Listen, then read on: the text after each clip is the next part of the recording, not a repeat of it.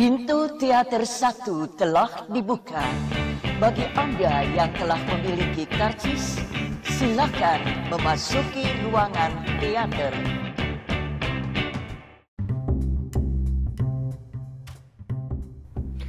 Halo semuanya, baik lagi sama gue Mustafa di podcast habis nonton film Gimana kabar kalian semua? Semoga baik-baik aja ya Semoga masih diberi kesehatan dan semoga masih senang untuk menonton film dan membagikan cerita-cerita dan kesan kalian kepada orang-orang terdekat. Kali ini gue akan ngebahas film yang baru aja gue tonton berjudul Cold War karya sutradara Paweł Pawlikowski yang juga membuat film Ida pada tahun 2013 yang berhasil memenangkan Oscar kalau nggak salah. Uh, Cold War ini film bertemakan romance pada dasarnya ya tentang kisah cinta yang terpaksa harus menja melewati berbagai rintangan dan juga halangan. Pada masa uh, dan rezim komunisme di Polandia yang membuat film ini itu terasa sepertinya semesta dan dunia sedang tidak berpihak kepada mereka berdua dan selalu ada aja yang bisa memisahkan mereka berdua gitu meskipun pada dasarnya mereka mencintai satu sama lain. Gue suka dengan filmnya karena selalu ada sudut pandang baru dalam melihat dunia pasca peperangan uh, World War II ya. Selalu selalu ada. Gue gua salutnya dan gue selalu selalu kagum dengan filmmaker filmmaker Eropa yang selalu bisa menciptakan pandangan baru terhadap uh, kejadian perang dunia kedua gitu ya. Yang yang selalu selalu beragam gitu. Dan Cold War itu yang selalu bisa eh dan Cold War salah satu film yang menurut gue bisa membuka mata gue tentang kejadian pasca perang gitu. Yang oh, oh ternyata ada sudut-sudut lain loh di dunia ini gitu. Di kehidupan setelah perang. Dan pada dasarnya Cold War itu menceritakan tentang seorang musisi bernama Victor yang sedang mencari uh, apa ya bakat-bakat di bakat-bakat dari daerah-daerah untuk di nantinya di bakat-bakat daerah itu kumpulan orang ya yang nantinya akan mm, dibuatkan sebuah pertunjukan dan akhirnya bisa berkeliling di Polandia dan ternyata uh, pertunjukan yang dinamakan sama dinamakan Marzek atau apa ya Marek atau apa gitu aku lupa, uh, eh, gue lupa. Itu mendapat sorotan dari menteri uh, di Polandia itu dan mereka terpaksa harus menyerahkan idealismenya dalam berseni dan masuk ke ranah politik gitu. Ya akhirnya uh, si Victor ini selama mengaudisi orang-orang yang akan menjadi uh, pemain dan anggotanya itu bertemu dengan seorang wanita bernama Zula. Nah, Zula ini uh, akhirnya menjalani uh, menjalin kisah cinta bersama Victor. Ternyata selama perjalanannya banyak banget tuh rintangannya dan membuat mereka harus terpisah bertahun-tahun dari negara ke negara lain gitu dan menarik filmnya bisa membuat kita untuk empati dengan karakter utama si Victor ini karena betapa tulusnya dia mencintai orang uh, mencintai Zula dan meskipun Zula selalu berada dalam posisi yang ah mau tidak mau dia berseberangan dengan Victor gitu. Awalnya cuma gue yang uh, awalnya gue ngira kayaknya cuma gue deh yang ngerasa film ini punya kesamaan dengan La gitu ya tentang proses meraih mimpi dan dan menjalin kisah cinta namun tidak berjalan sesuai dengan apa yang mereka inginkan gitu. Dan ternyata nggak cuma gue gitu ada beberapa review yang gue baca juga membuat apa uh, ngerasa kalau film ini tuh kayak lalalen gitu. Dan ya emang bener sih. Emang bener film ini tuh kayak lalalen gitu. Kayak kisah cinta yang tidak selalu uh, sesuai dengan rencana. Bukankah begitu cinta? Cie, emang gitu kali jalan kerja cinta tuh kayak ya lu berharapnya apa yang terjadi apa gitu. Karena yang terjadi itulah yang terbaik. Cie gitu. Kenapa gue jadi ini ya jadi berpuitis gini gitu. Uh, ya itu dia. Kalau cold war itu emang bicara soal soal kisah cinta pada dasarnya. Tapi ada sebenarnya yang lebih menarik di sana ada ada soal ideologi komunisme ada soal kepercayaan. Kalau si Victor ini tidak percaya adanya Tuhan.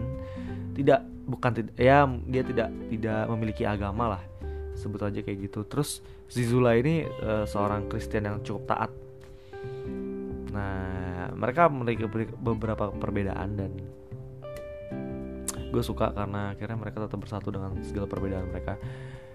Eh, ngomong-ngomong nih film itu berhasil meraih sutradara terbaik di Cannes Film Festival 2018 untuk Paweł Pawlikowski yang kalau kalian udah pernah nonton Ida itu ini tuh sama banget sih rasanya sama dari segi sinematografi bahkan menurut gua uh, film ini punya level sinematografi yang lebih mumpuni dan lebih mantap sih daripada Ida karena almost every frame of the shot uh, itu bisa dijadikan still poster gitu.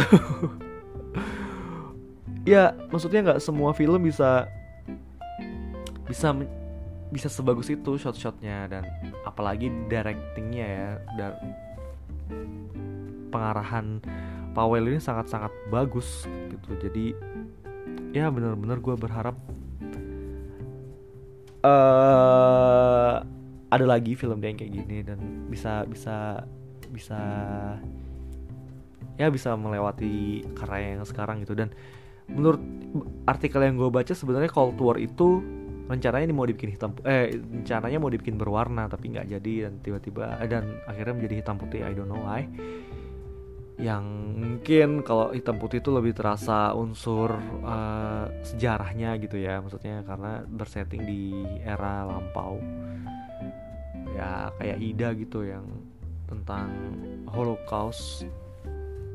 Tapi kalau ini tentang kejadian era pasca peperangan satu hal yang membuat gua sadar ketika gua menonton Cold War adalah kecintaan Paweł Pawlikowski terhadap musik. Dan itu terlihat di film Ida ya. Gue baru nonton film dua film Paweł yang pertama Ida yang kedua ini. Dan selalu ada unsur musik di sana. Dan gue rasa Paweł Pawlikowski ini punya ketertarikan lebih terhadap musik. Karena di film-filmnya musik itu juga juga punya uh, kekuatan gitu ya. Meskipun kalau di Ida nggak terlalu signifikan tapi kalau di Cold War itu signifikan banget. Bahkan bisa disebut musical sih film musical sih. Uh, dark musical film gitu. Kelam banget sih kelam.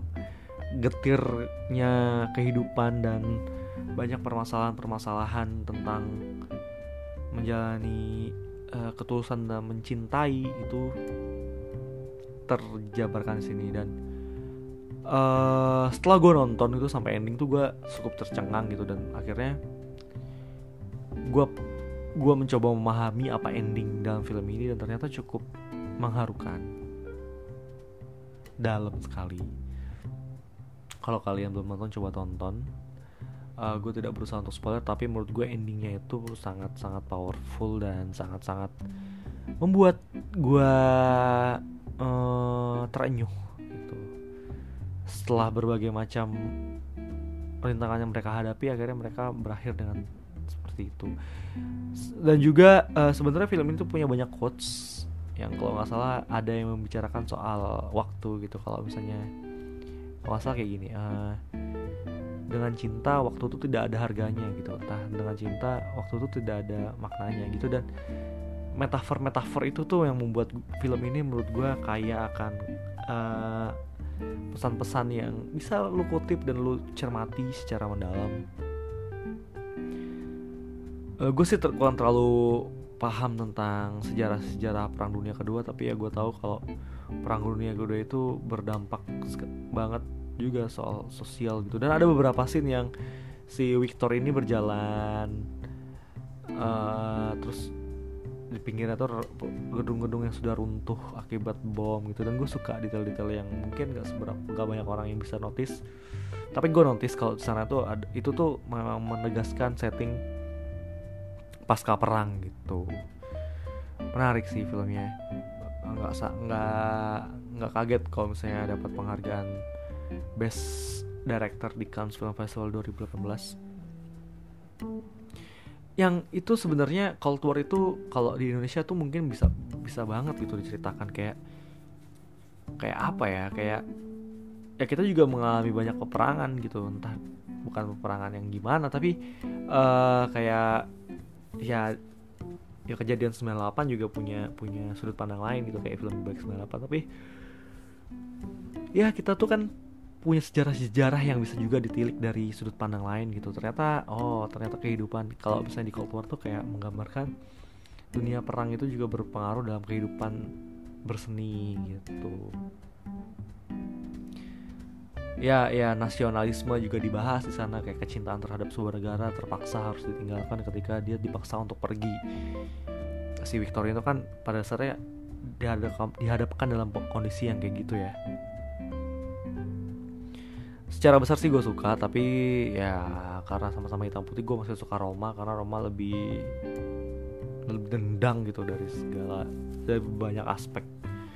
Cold War juga bagus tapi I still love Roma untuk tahun 2018 karena Roma tuh rilisan tahun 2018 gitu apalagi ya bicara soal kekurangan hmm, apa ya ada sih kayaknya nggak ada yang terlalu terlalu pikiran. Lebih ke berkesan atau nggak berkesannya aja sih kalau di gue gitu. Kalau kalian ada masukan atau ada pesan atau menurut kalian apa kekurangannya bisa di isi di kolom komentar di iTunes. Uh, eh, gue tunggu di sana. Um, itu aja yang mungkin bisa gue ceritakan untuk film Cold War. Tonton kalau kalian suka dengan film-film tentang sejarah. Apalagi film hitam putih. Ya bisa bikin ngantuk sih tapi durasinya cukup cukup uh, friendly gitu. Itu aja yang bisa gue ceritain untuk film Cold War. Sampai jumpa di episode selanjutnya. Dadah